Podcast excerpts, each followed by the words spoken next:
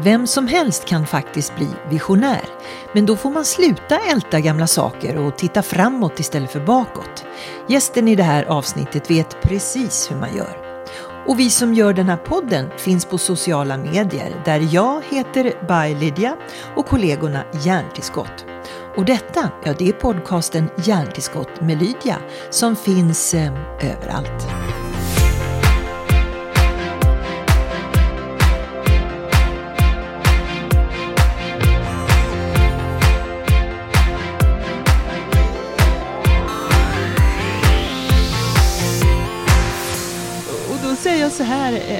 Välkommen Troed Troedsson. Va, var sitter du just nu förresten? Just nu sitter jag i våran studio i Eslöv som ligger i huset intill där jag bor. Ja. Hur, hur kul är det tycker du att umgås via studio?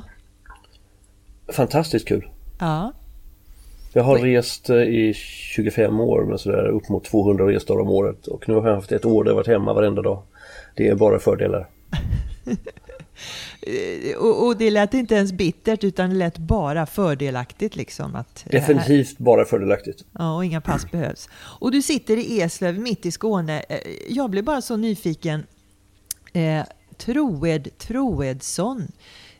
Vad roligt att du har samma namn både som förnamn och efternamn. Varför då? Det, vi har det i min släkt. Det är lite lurigt så vi har haft det i generationer så alla pojkar heter Troed. Men bara någon i varje generation liksom använder det som första namn och det blev jag händelsevis. Men alla mina syskon och eh, resten av min manliga släkt heter också Troed någonstans i sin förnamnslängd. Vad roligt. Så du är stjärnan på verket då som får heta just Troed? Det där är, är jag tycker ju det. Jag tänker att mina syskon skulle inte hålla med men jo absolut. Ja. Du, eh, jag vet ju att du gärna pratar om, ja du pratar om många saker, eh, bland annat om hur vi ska skärpa oss allihopa. Och jag har lyssnat på en, en, en föreläsning som du har gjort och då sa du någonting faktiskt jätteroligt om man nu ska uttrycka det så. Men du sa att eh, en seismolog en sån som mäter jordbävnings eh, eh, att, eh, krafter eh, vill ju inte att det ska vara jordbävning hela dagarna. Men det är rätt spännande när det händer. Varför drar Mm. du den eh, liknelsen? Ja, den hade väl att göra med, med Corona därför att Corona har haft, förutom att jag slipper resa då så för oss som jobbar med organisation och organisationsutveckling så har ju Corona accelererat allting. Eh, vare sig man pratar virtuella organisationer eller man pratar om nya sätt att sätta ihop projektgrupper eller man pratar om nya sätt att leda arbete så, så kan man säga att det där tvingades vi alla testa. Eh, å ena sidan så trodde jag att det skulle ha hänt för tio år sedan när jag började den här resan på 90-talet någon gång. Eh, Men det har tagit väldigt lång tid och med Corona så, så accelereras allting. Så, Är det någonting du är förvånad över av det som har hänt? Nej, det kan jag inte säga. Utan jag, är, jag är förvånad över pandemin. Den kunde ju ingen eh, se naturligtvis. Eh, däremot så kan man säga att nästan allt som pandemin har fört med sig är ju sånt som vi har pratat om skulle hända. Och det är därför jordbävningsliknelsen är så bra. För en jordbävning eh, så här, en jordbävning orsakas ju inte av eh, något plötsligt utan en jordbävning orsakas av att det finns ett tryck mellan tektoniska plattor i marken som växer under, under årtionden, ibland århundraden. Just. Sen kan jordbävningen utlösas av till och med eh, människor som spränger för en damm eller alltså en ganska liten händelse som utlöser den. Och, då- och då måste man skilja på orsakas av och utlöses av. Och det är samma sak här, en väldig massa saker utlöstes av pandemin eh, men de orsakas inte av pandemin, de hade hänt ändå fast kanske långsammare och inte samtidigt och sådär. Eh, en organisationsutvecklare som du och många andra som har eh, jobbat på samma sätt som du eh, blir ju ofta engagerade för att så att säga eh, ge en indikation på vad framtidens patienter eh, eh kan kräva och, eller framtidens bankkunder och så vidare. Ehm, och du har tyckt att det har varit lite mesigt att bara tänka hur framtiden ser ut, utan vi måste förstå på bredare front vart vi är på väg. Vad är det för skillnad mellan de två meningarna? Vi, vi är väldigt specialiserade. Det där är en lång historia som har att göra med Taylor och 1900-talets början. I den specialiseringen ligger att vi, vi ser människor som roller. Det här har inte alls med människosyn att göra men banker talar gärna om framtidens bankkunder och golfen talar om framtidens golfare och i skolan pratar man om framtidens elever. Och, och så glömmer vi faktiskt att ja, det är ju samma folk. Så hade vi, hade vi förstått vart människor i, i bred bemärkelse är på väg så hade vi därur kunnat dra slutsatser om vad betyder det för människors roll som golfare eller för människors roll som medarbetare eller för människors roll som väljare. Men vi har, vi har glömt det på något sätt och så pratar vi om som sagt väljarna som om det vore en grupp och så är bilköparna en annan grupp och så vidare. Och det är lite, då missar vi stora händelser. Mm. Vi är alltid någon gång bankkunder och patienter, men jag vet i katten om vi alla är golfare. Men det finns ju vissa saker. Däremot är alla golfare också eh, konsumenter. Ja. och tidningsläsare och vad det nu är för någonting. Ja. ja. Du sitter själv i många styrelser och, och så. Hur, hur, använder du dig av den kunskapen som du Eh, faktiskt eh, eh, predikar, höll jag på säga, men berättar och, och, och, lever på? Hur, är du särdeles eh, lämpad för att se hur man ska utveckla organisationer? Det måste vara guld att ha med dig i en styrelse, tänker jag. Jag är nog inte särdeles lämpad. Däremot så är det ju ett, ett yrke jag har som, som, som kommer väl till pass i en styrelse. Eh, andra är duktiga på ekonomisk analys och någon är duktig på produktdesign och sådär. Jag är duktig på organisation. Så det är, man säger särskilt lämpad så låter det så konstigt men det, det, det är mitt jobb. Det är det jag är bra på. Mm. Men eh, hur, hur, kan du som var fysiker från början och dessutom kommunaltjänsteman och sedan socionom hamna... Jag, jag måste bara... Jag tycker det är så roligt för du har själv sagt att det är sjukt tråkigt. Sjukt tråkigt CV. Om man nu får ja. säga CV. Så är det och, vad, säger, vad tror du alla fysiker säger och kommunaltjänstemän som lyssnar på det här nu då? Tänker de, vadå, det är väl inte tråkigt? Jag tror att, att äh, jag, jag tror egentligen så här, jag tror de flesta fysiker, ingen fysiker tycker det är tråkigt. Det är därför de fortfarande är fysiker. Um, jag är ju inte det. Nej. Kommunaltjänstemän tror att det finns en hel del som faktiskt går till jobbet varje dag trots att det är fruktansvärt tråkigt. Alltså, du förstår vad jag menar? Jag tror inte det finns så många forskare som fortsätter med forskningen trots att det är sjukt tråkigt. Mm. Däremot finns det en och annan kommunalekonom som går till jobbet och gör budget nästa år också trots att det är sjukt tråkigt. Man kan väl säga så här att då är det ändå ett, ett, ett, ett, ett uns av mod som krävs att lägga om eh, yrkesvalet flera gånger under ett yrkesliv. Väldigt mycket tillfälligheter tror jag. Jag tror det, det är mycket lite mod och väldigt mycket serendipitet pratar vi om i, ja. i konsultsvängen. Um, lyckliga tillfälligheter som gör att det, det liksom öppnas en dörr som känns frestande att gå igenom mycket mer det än, än att man vågar hoppa ut från en klippa som inte andra vågar hoppa från, för så tror jag inte alls det mm. Du har ju Eh, ofta Eslöv som referens och människorna som bor där när du, när du pratar. Hur pigg är man på förändring mitt i Skåne? Man är inte pigg på förändring mitt i Skåne. Nu ska jag inte säga att att man är piggare någon annanstans för det tror jag inte man är. Eh, utan den, den typiska svenska ganska välmående orten det spelar inte så stor roll egentligen om det är en småstad eller om det är en större stad eller landsbygd. Det funkar bra som det är eh, och då behöver man inte krångla. Folk tycker om att bli arga på ett nytt konstverk på torget. Det kan man liksom lägga timmar på. Va? Eller att det är en, en pojke som är Lucia i Lucia-tåget eller något annat. Eh, till och med det känns liksom som något som skaver. Så nej, man är inte särskilt pigg på förändring. Hur, hur, vad har du för relationer då med dina grannar och sådär när, när du själv är en sån som pratar mycket om förändring och så tycker de att det, det, det är bra som det är? Jag har, jag, har en, jag har en bra relation med mina grannar. Um, ingen är arg på mig men jag är en ganska asocial person så att jag uh, jag hänger inte mycket med grannar. Jag har några grannar som vi umgås mycket med men i stort sett så vinkar vi till varandra när vi kör förbi med bilen. Men du har faktiskt sagt att du, du har fått färre vänner bara för att du kallar alla för utveckling så att säga. Eller du kallar allt ja, för utveckling.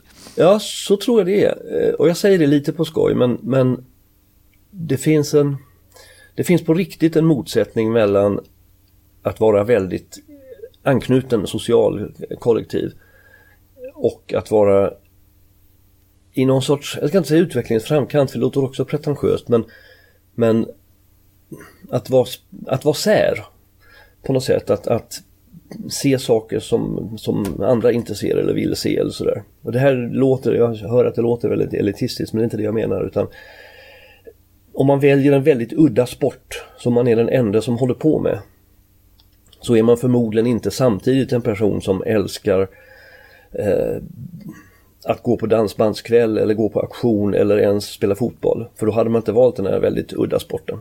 Vet du, jag kan, jag kan relatera och jag kan förstå för att det är väl lite grann om som signaler. Om du ska kunna anamma signaler som du är intresserad av så kan du liksom inte få in andra signaler. Kan Nej, man säga så? Så tror jag man kan säga. Jag tror att det är det här, det här gäller ju i väldigt många sammanhang. Eh, uppfinnare är sällan, åtminstone inte i början, del av ett stort eh, rd team på ett företag på något sätt. Eh, därför att där kan de inte följa sin egen knepiga idé utan då måste man dessutom se till att en 10-12 andra också är med på tåget hela tiden och sådär. Eh, man kan inte bli jag tror inte man kan bli framgångsrik politiker eh, om man är alltför egensinnig utan då måste man vara integrerad och se till att få folk med sig, kompromissa och, och släppa en del av sina egna käpphästar för att alla andra också ska hänga med och sådär. Och jag har ingen lust att släppa några käpphästar så det gör jag hellre själv kan man säga. Men eh, då tänker jag naturligtvis, eh, och det är ganska naturligt att göra det när man pratar med dig, för jag vet att du är jätteintresserad av utbildning och skola och så. Eh, de här knepiga, de här lite udda personerna som är så, eh, som man ibland inte har så lätt att upptäcka, för man ska ju vara som alla andra. I skolan ska man ju vara som alla andra mm. och man ska hänga med på allting som alla andra. Svårt att hitta de där udda personligheterna som vi är så beroende av just för att ett samhälle ska utvecklas. Ja, och skolan är ju, ett, ett, skolan är ju i det avseendet ett väldigt sorgligt kapitel. Dels är samhället beroende av det, men, men ännu viktigare är ju att människor som barn som är på det här sättet har all rätt att få vara i en miljö som, som erkänner det och medger det och låter dem komma till sin rätt istället för att ständigt tränas på att bli flockdjur. Mm. Om man nu använder det som bild. Mm.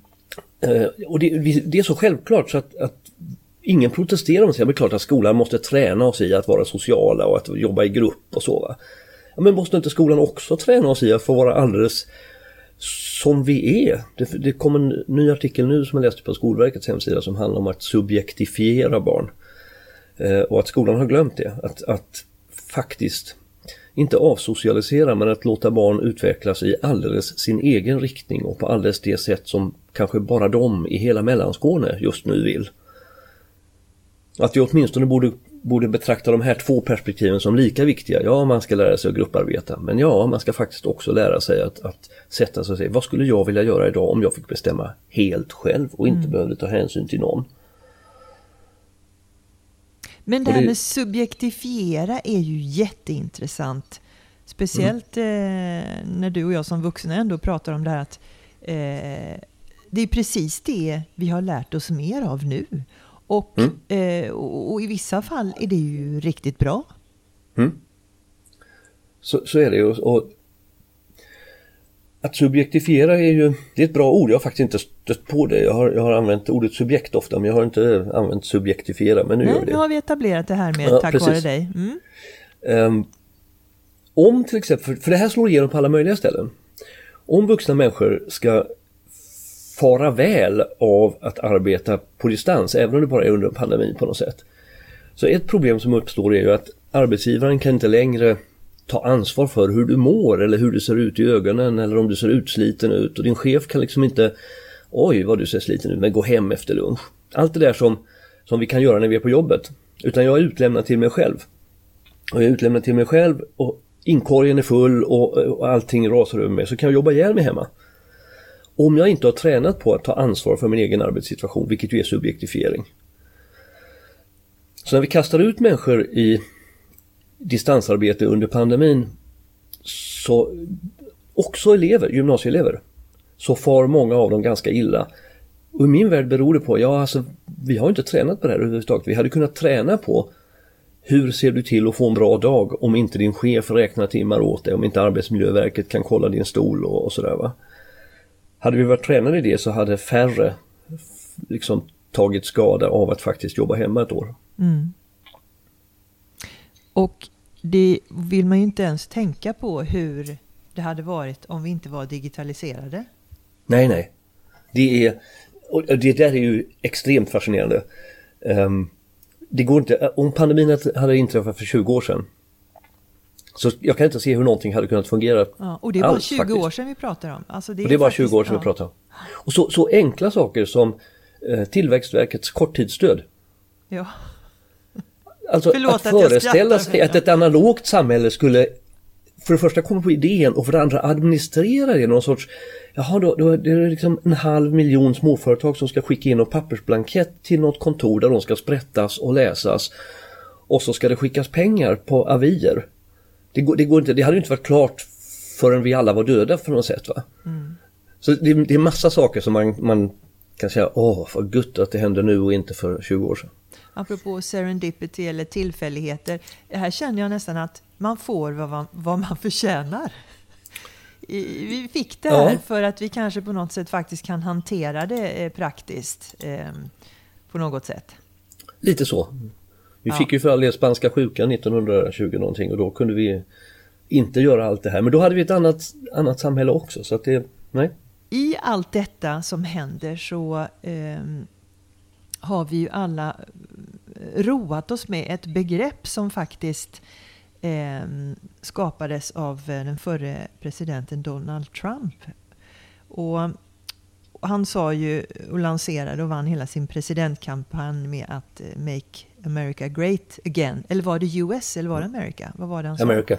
America. Make America Great Again. Ja, och Eh, när jag åker till mitt landställe så åker jag till en liten by utanför Stockholm. Och där har ju alla möjliga bybor och eh, lantbrukare tryckt upp kepsar där de istället för eh, America eh, har tryckt upp namnet på sin egen gård eller på sin egen by. Eh, och, och det här med att göra någonting great again, det förutsätter ju att någonting har varit eh, eh, bra och nu är det dåligt men nu ska det bli bra igen. Alltså, mm. det här är en ganska intressant ehm, eh, tanke. Eh, och jag vet att du har också grottat ner dig i detta för att du ehm, eh, beskriver också vårt sätt att se på varandra genom den här lilla eh, historien mm. om Donald Trump. Det, det, när jag föreläser så är det ju retoriskt bra att hålla sig till ganska enkla bilder. Och en, en enkel bild som jag tror är ganska sann är att man kan egentligen se oss som, det finns två sätt att betrakta sig själv på. Antingen tar man sina referenser ur sin historia eller också tar man sina referenser ur den plats man är på väg till. Eh, och i verkligheten så är det såklart så att man gör lite av varje. Men, men när man använder i ett företag eller en organisation och man väldigt ofta använder igen eller åter eller tillbaka eller återställare eller sådär. Så är det tydligt att man liksom bygger sin, sin storytelling, sitt, sitt berättande på platser vi har varit på. Vi ska komma tillbaks till och så kan det vara folkhemmet eller America Great Again eller, eller eh, guldåren på 60-talet eller vad man nu har för, för referenser. Och sen finns det ett helt annat gäng som, som nästan aldrig pratar om platser de har varit på utan som hela tiden pratar om platser de ska till. Eh, och när jag, när jag pratar om, om Trump och MAGA så brukar kontrastera det med Kennedy då som säger Put a man on the moon. Som är liksom sinnebilden för att vi ska till ett ställe som vi aldrig har varit på. Eh, och inte again då utan för första gången. Och det här, det här kan man nog se hos, hos vanligt folk också. Jag, jag, brukar säga att när man är på middag så finns det en del som alltid pratar om semestrar de har varit på. Och så finns det en del som alltid pratar om semestrar de ska åka på. Och ja. bägge två kan vara liksom tröttsamma att lyssna på tredje gången. Men det är ändå två helt olika stories. Och vi måste bli bättre på att berätta historien om, om platsen vi ska till och släppa det här nostalgiska again-tjatandet. Inklusive kepsarna. Ja. Är det lite... Mm, och det här har ju folk svårt att förstå skillnaden mellan. Om de tycker att man ska kunna ha båda det här och både eh, eh, luta sig på erfarenheten och ändå ha visionen. Ja, och, och en del av den eh, motviljan. Jag tror inte man kan, jag, jag tror man måste bestämma sig. Jag tror att vi, till och med om man väcker någon mitt i natten och liksom frågar vem är du? Eh, så kommer en del att, att blixtsnabbt och ryggradsmässigt beskriva vart de är på väg. Jag är nästa Christer Fuglesang. Eh, och andra kommer att säga jag är den som vann fotbollskuppen i Mellanskåne 1987 eller någonting. Så jag tror att vi är ganska mycket antingen eller. Men jag tror att när folk har, när folk har svårt, och det här är ett typiskt fall för en styrelsediskussion, när man har svårt att ta ställning så är det egentligen för att man är väldigt förtjust i den här historien om var man har varit och, vad man har gjort och CV och eh, vad det nu är för någonting, det som, det, som, det som man har uppnått. Och så är man lite ängslig för att man kanske, kanske inte kommer uppnå så mycket saker framöver. Vilket ju är en deppig historia för det betyder att man skulle ha liksom det bästa bakom sig alltid. Jag tänker på unga, unga i arbetsma på arbetsmarknaden som möter äh, arbetsgivare som börjar med att säga ja här har vi brutit stål sedan 1801 och så ja. tänker den här talangen eller vad man ska kalla den för att ja, och nu då? Ja. Um, det, man kan det, inte leva på gamla lagrar längre. Nej, man kan ju inte det. Och ett, ett det finns, det finns undersökningar av ungdomar i det här fallet också. Eh, där man kan säga att en sak som, som eh, det vi nyss kallade tredje världen har som fördel jämfört med oss är att deras unga människor beskriver sig själv väldigt mycket mer som det de ska bli. Platsen de är på väg till. Eh, ska man schablonisera så, så ska de till New York och New York är en mycket viktigare plats än Eh, Eslöv där de är födda. Är du med på vad, ja, vad jag menar? Med det? Ja. Ja, ja. Så får man välja en plats på kartan så, så kommer de här människorna liksom att, att välja New York eller, eller London eller drömmen om det de ska till. Medan en hel del av oss i den här mer välmående och lite långsammare delen av världen, vi, vi väljer platsen vi är födda på på något sätt. Om vi nu håller oss till detta då att vi ska tänka på vart vi ska och, och, inte vad vi har varit. Det kan vara blandade känslor när man, oavsett hur man tänker. Men då är det väldigt svårt att tänka på vad, vart man ska, vart man är på väg. När man nu har lärt sig, man, nu när jag och alla andra och många med mig har lärt sig att vi vet ju inte riktigt vart vi är på väg. Nej. Är det någon gång vi har lärt oss att vi inte vet vart vi är på väg så är det väl nu. Så det blir lite kontrastrikt här va? Och då, då kommer tillbaks tycker jag till det som vi pratade om i början på samtalet här. Eh, skillnaden mellan individ och flock lite grann. Ehm, därför att vi kan ganska fort komma överens om historien. Jag menar, är vi osams om hur andra världskriget egentligen startade så kan vi googla det och så, och så blir vi sams igen på något sätt. Jaha, ja, så var det tydligen. Däremot, framtiden kan vi aldrig bli sams om. Den är, den är ju inte ens om vi rår över den så kan vi bli sams om det utan min framtid är ju en och det som jag skulle vilja är en sak och det du skulle vilja är en helt annan sak. Så när du, när du och jag diskuterar 2022 så måste vi nästan bli osams. Mm. Om vi diskuterar 2020 så har vi alla förutsättningar att bli sams. Jag menar har vi någon missuppfattning så kan vi re ut det och så, nej men så var det ju faktiskt 2020 va. Vi kan inte bli osams om skattesatsen 2020 för den går ju att slå upp. Däremot kan vi bli osams om skattesatsen 2022. Så ju mer, ju mer man pratar framtid, också om man är chef i en organisation, ju mer man lägger sin, sin berättelse i de kommande fem eller tio åren, ju mer konflikt kommer man tvingas att ta med, med omgivningen. Därför att de har andra bilder av, av 2027 och 2031 än vad jag har. Så hur gör väl, man det bäst då? Man gör ju det bäst genom att, att jag brukar använda Martin Luther King som bild och så säga det här är en, det är en, en eh, när man är på det stället så måste man dels vara övertygad själv om den här historien. Sen berättar man den så tydligt att folk fattar vad man menar. Och sen, och det är liksom trixet, sen jobbar man med de som också vill. And the rest will follow, eller? Ja, om man har den ambitionen, det kanske man inte har. Man kanske är nöjd med att, att eh, det, är som, det är som att starta ett band.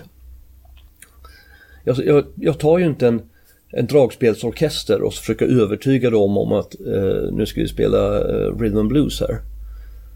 Utan i så fall så säger jag, jag skulle vilja spela rhythm and blues, är det någon som vill det? Ja, så kommer det sju till som spelar R&B och så spelar vi. Men jag försöker inte övertyga de andra om att de borde ansluta till min genre och då har jag liksom inte heller de flesta ska ju inte starta en global världsrörelse så att the rest behöver inte follow. Utan de får väl göra sin grej då. Mm. Oavsett vad vi pratar om så handlar ju allting om eh, relationer. Man måste ju ändå förhålla sig till människor oavsett om man gillar att mm. vara med människor eller inte. Eh, mm. I stort och smått. Eh, och jag vet att du har dragit liknelser kring det här med att utveckla organisationer och så vidare. I just privata relationer. Att allt börjar med en ny berättelse, en vision. Det är du och jag tillsammans. Eller företaget. Ja. Ehm, och, och, och, och, det går ju upp och ner.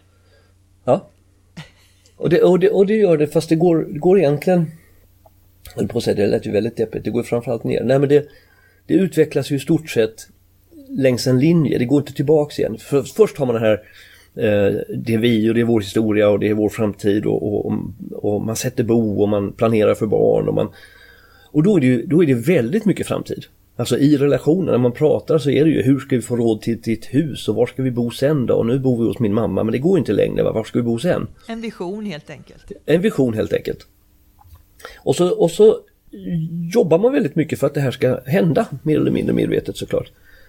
Och sen om man snabbspolar så kan man säga i, i bortre änden av förhållandet så är historierna väldigt mycket mer igen det vi har gjort. Va? Kommer du ihåg när vi hade sommarstugan i Sörmland? Ja, det var fantastiskt. Det var nästan lite synd att vi sålde det. Va? Ja, jo. Eh, och inte så värst mycket mer. Vart ska vi nu då? Nej. Nej. jag skrattar för jag har en relation som är över 20 år lång så jag, jag lyssnar med stora öron. Jag, gift, jag gifte om mig för, för 13 eh, år sedan. Jaha, grattis eller ja? Ja, det är absolut grattis. Aha. Eh, och då hade jag varit gift i 25 år innan dess. Så att man, kan, man ska inte använda sina egna stories som referens men, men man börjar verkligen om. Alltså när man gifter om sig så alla berättar samma historia. Det är som att börja om. Du tar inte med dig dina gamla möbler och grejer utan snarare sätter du en ära i att, att nu har vi ett tomt hus. Ingen av oss tar med något från, från det gamla livet utan vi börjar om. Och det, en, en, eh, det finns en poäng i det. Mm. Och, och, det här är precis som med företag. Eh, eh, eh, naturligtvis eh, eh, att man ska leverera och, och, och allt detta. Eh, men du, du sa också tidigare att det går att jämföra med en tvättsvamp. Man, alltså när man tar bort fingrarna så blir allt som vanligt. Apropå det här när man ska hitta nya Eh, input till, till relationen eller till organisationen ja. så är ju risken alltid att nej, men det blir ju lätt som vanligt. Ja, vi stelnar. Det, det, och det tror jag gäller både det tror jag gäller både den här familjen som vi just pratade om och organisationen. Man börjar i ett väldigt formbart skede. Så det, är som, det, är som, det är som modellera på något sätt. Man kan göra vad som helst av det här. Eh, och så länge allting är så modellerat så betyder det också att om någonting ändras, vi får en pandemi eller en flyktingkris eller en finanskris eller något så så kan jag knu om den här modellen och göra något annat av den. Mm. Det finns, eh, golfen är ett, ett fantastiskt exempel eh, därför att golf, Svenska Golfförbundet och golfen i Sverige liknar inte någon annan idrott. De äger nämligen sina anläggningar själv på ett, på ett sätt som ingen annan idrott egentligen gör. Och det gör att de mycket, mycket snabbare än andra funderar på, ups, om folk liksom slutar spela golf, vad gör vi då? Ja, då bygger de paddelhallar eller också så ordnar de eh, events eller också bygger de en liten eh, konferensdel till golfklubben eller Så golfklubben är som, den är som modellera. Skulle folk helt och hållet sluta spela golf, vilket jag inte tror, men då kommer väldigt många av dem att ha så mycket förändringskapacitet att de förändrar sin verksamhet till något annat, något som fortfarande är livskraftigt. Men sen stelnar vi på något sätt och så blir vi som den här tvättsvampen som du pratade om. Att, att den är fortfarande formbar, det känns som att man kan göra saker men tar man bort händerna så går den tillbaka till det gamla. Så all, all förändring är tillfällig. Den här familjen kan mycket väl, om vi får en översvämning eller någonting så kan vi väl anstränga oss och, och byta roller. Är, är, ska jag vara fördomsfull så kan jag säga, är mamma sjuk så kan väl pappa diska. Uh, Men blir mamma frisk igen så slutar han ju diska. Mm. Är du med på vad jag menar med det? Jag är med på vad du ja. menar. Men, um, ja. Så, så det, är inte en, det är inte en bestående förändring. Och till slut så har organisationerna blivit helt stela, de är som, som bullklot, det spelar ingen roll längre vad som händer på utsidan. De är som de är. Usch vad tråkigt det låter, men, men det är bra om man har insikt i det i alla fall. Ja, det, och det är, inte, det är inte jättetråkigt därför att det som händer är ju att någon annan utifrån hittar på något nytt och börjar om. Det är tråkigt att vara socialdemokrat och liksom tvingas inse att 1920 var det vi som revolutionerade världen. Nästa gång kommer någon annan att revolutionera världen. Mm. Men för den som inte står mitt i det så är det, fast det är väl ganska skönt, det vore väl ändå ännu tråkigare om de som har liksom placerat sig eller, eller fått makten, vare sig det är världens bästa bilfabrik eller det är världens största idrott eller det är världens största politiska parti. Det vore ännu tråkigare om de därmed satt kvar sen i all evighet. Såklart. Då, då skulle vi liksom inte haft Tesla utan nej. Allting, all bilutveckling ligger nu på eh, Mercedes, Volkswagen och Toyota. För evigt. Mm. Mm. Det, är ju, det är ju ännu deppigare. Om man inte är aktieägare i Mercedes. Men för alla oss andra så är det ju snarare så att ja men det är väl jättebra. Låt dem stelna och så kommer någon annan och etablerar något som är, är friskare och nyare. Mm. Men oavsett om vi pratar om företag och individers behov så verkar ju hemligheten vara att veta allt om människor. För människor finns ju även i organisationer. Jag menar sub subjektifieringen vi pratar om. Vi är ju alla subjekt mot slutet, eh, mm. subjekt mot slutet av dagen. Eh, är hemligheten att veta allt om folk genom att då samla den här datan om vanor och sedan bara möta upp vanorna med diverse produkter och tjänster. Alltså ibland undrar jag, vad är det som styr vad? Eh, jag vet att du ibland nämner tv-industrin och Netflix. De kan ju till och med mäta vilka serier vi gillar mest. Ja. Men, men vad, händer det med, vad händer då med mångfalden? Det är samma sak med Spotify. De kan mäta vad vi gillar mest. Och så trycker de ut det, eh, den typen av musik om de märker att den är mest gångbar. Ja, det, det, är ju, det är två saker i det, det där. Det är tre egentligen. Det ena är att om man överhuvudtaget ska lyckas med någonting och det gällde, det gällde Martin Luther King och det gällde eh, liksom eh, Winston Churchill och det gällde, det har gällt i alla tider. Det har ingenting med informationsteknik att göra. Om du vill lyckas med någonting så måste du förstå folk. Punkt. Punkt, ja. Eh, om du inte förstår folk så kan du inte vara August Palm, eh, gamla agitatorn som gick runt på landsbygden i början på 1900-talet och, och väckte folk för fackföreningsrörelse och sådär. Du måste förstå folk. Det som är nytt nu det är att man kan, man kan förstå folk på högre detaljnivå. Ehm, man kan alltså till exempel den här fingertoppskänslan som filmmakare alltid har haft. Hur lång ska en scen vara innan den blir saggig, en naturscen? Mm. Ja, nu kan vi mäta det exakt för vi har en miljon människor som tittar på det här avsnittet och 300 000 av dem stängde av i minut 41. Och det här behöver inte vara Netflix, det här gör alla som har en webbsajt eller en e-handel. Hur länge tittar folk på sidan? Eh, vilka sidor lämnar de sajten från? Eh, och vad är det på de sidorna som, som liksom inte tilltalar folk? Och så lär vi oss hur folk fungerar. Det är det ena. Det andra är att det här betyder ju inte att, att världen blir likriktad utan det är precis tvärtom. Det här betyder att enskilda människor som hittills aldrig har kunnat få just sina behov tillgodosedda kan få det. Mm. Men det Någonstans, är, det, det är den ja. ena sidan av myntet. Jag måste bryta in här för jag tänker ja. omedelbart på Andrei Tarkovsky. Han är en filmregissör, var, ja. som blev känd för hans enormt långa filmklipp. Eh, och, och, då tänker man stackars Andrei, han hade ju inte haft en chans i Netflix-tider då. Jo, jo. Visst hade han det. Han har haft en, en mycket större chans därför att det finns ju miljoner människor som vill ha de här långa filmklippen. Och Netflix har ingen anledning, nu ska jag inte prata om Netflix vad de vill, men företag som Netflix har ju ingen anledning att skära bort, att göra produkter som passar mainstream. Utan de är precis lika intresserade av att göra extremt smala saker som träffar en liten grupp men det är fortfarande en miljon människor i världen. Mm. Och dessutom så vet de ungefär vilka de är. Så när jag drar igång min Netflix så får jag ju förslag. Det här är fortfarande inte det funkar fortfarande inte superbra, det vet vi. Eh, annonserna på Facebook har ju en träffsäkerhet som, som gör att man gråter. Va? Men efterhand så kommer de bli bättre och bättre. Så efterhand så kommer udda filmmakare, det är det som ekonomer kallar long tail, att få allt större chans att, att existera. För problemet i den gamla industrin var ju att nästan ingen eh, verkligt udda filmmakare fick pengar att göra någon film överhuvudtaget. Därför att vi kunde inte förstå hur man skulle kunna få ihop mer än fem människor som ville se den.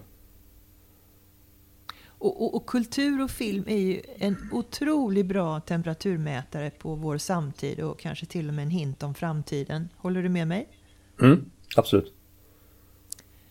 Eh, så då kommer vi tillbaks lite grann till den här frågan. Är hemligheten att veta allt om folk om du ska kunna vara framgångsrik, det vill säga sälja dina produkter eller tjänster riktigt bra och om du ska vara framgångsrik i dina relationer. Det, det, jag kommer att tänka på det. Tänk vilken poppis granne du skulle kunna vara om du ville det. Om du kunde samla data om alla och veta att Nej, men om jag drar golfskämt på den här gatan, då kommer jag vara en poppis granne, för det vet du att de gillar. Alltså, ja. det, det här kan man använda på många sätt, tänker jag. Ja, eh, så är det ju. Jag skulle kunna möjligen använda det för att bli poppis på gatan.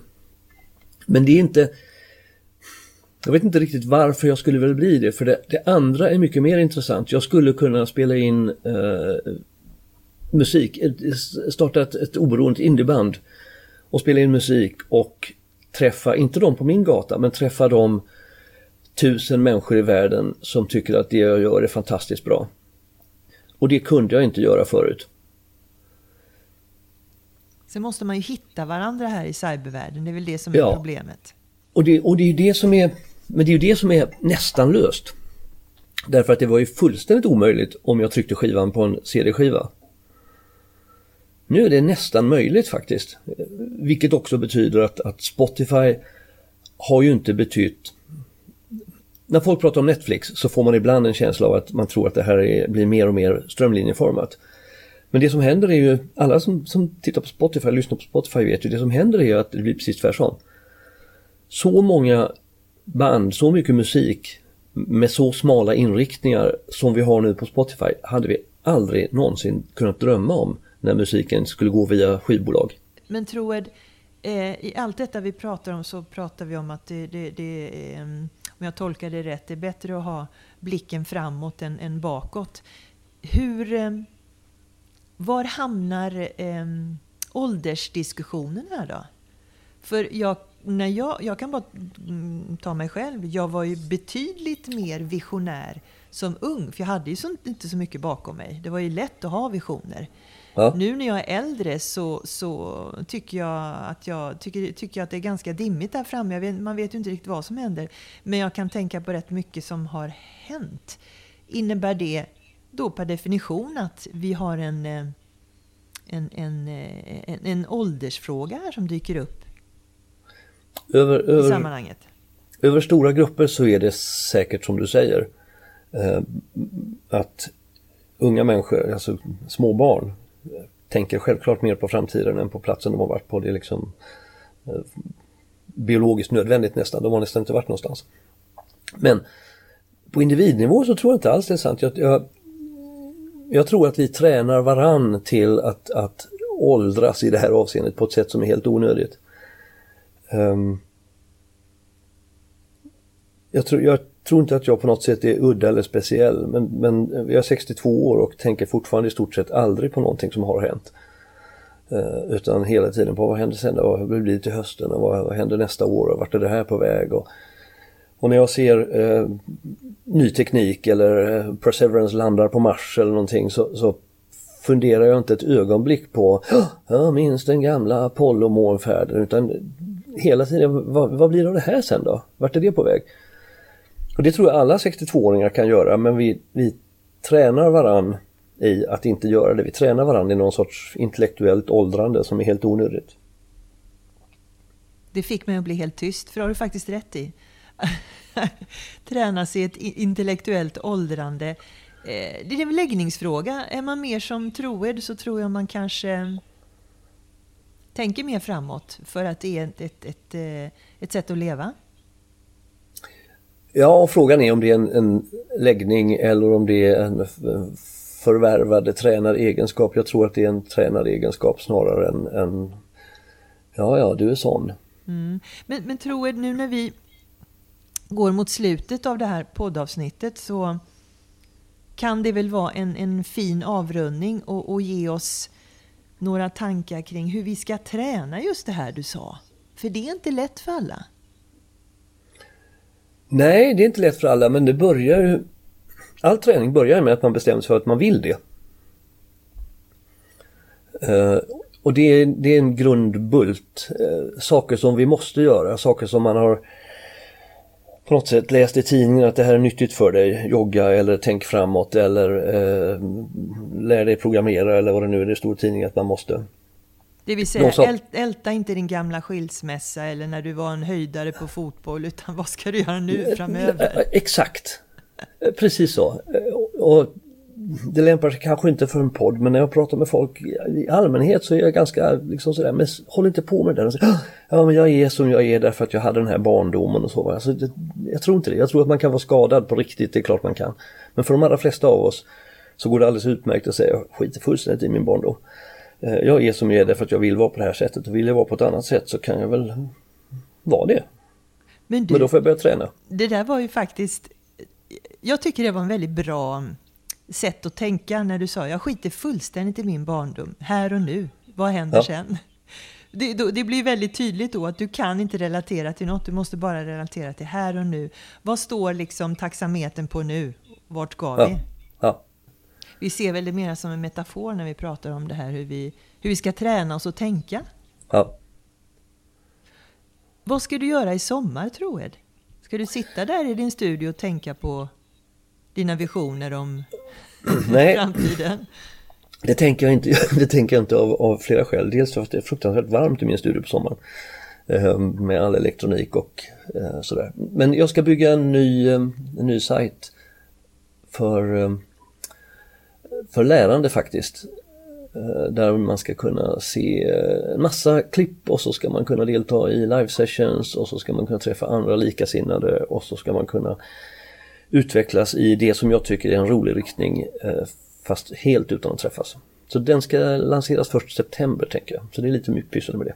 Du är inne på det visionära lärandet och digitala lärandet där vi faktiskt inte behöver ses för att lära oss en massa. Precis. Mm. Och det här det är också, ja, ja. Det är också en, en, konstig historia för folk är besatta i att man måste ses. Och sen så, jag hade anledning häromdagen att konstatera att, att jag har lärt mig mest om hur samhället funkar av Douglas Adams tror jag. Och så har jag lärt mig mest om, eh, eller skaffat mig mitt eget samhälleliga patos och riktning från Peps Persson. Och jag har ju inte träffat någon av de två. Så det är alldeles uppenbart att man kan lära sig massor av saker utan att träffa människor man lär sig av. Det men du, det var väl en jättefin avrundning på det vi precis har gjort. Inte träffats, men utbytt väldigt många erfarenheter. Och visioner framför allt. Ja. Stort tack Troed för att du var med i Hjärntillskott med Lydia. Tack så jättemycket Lydia. Ha det bra.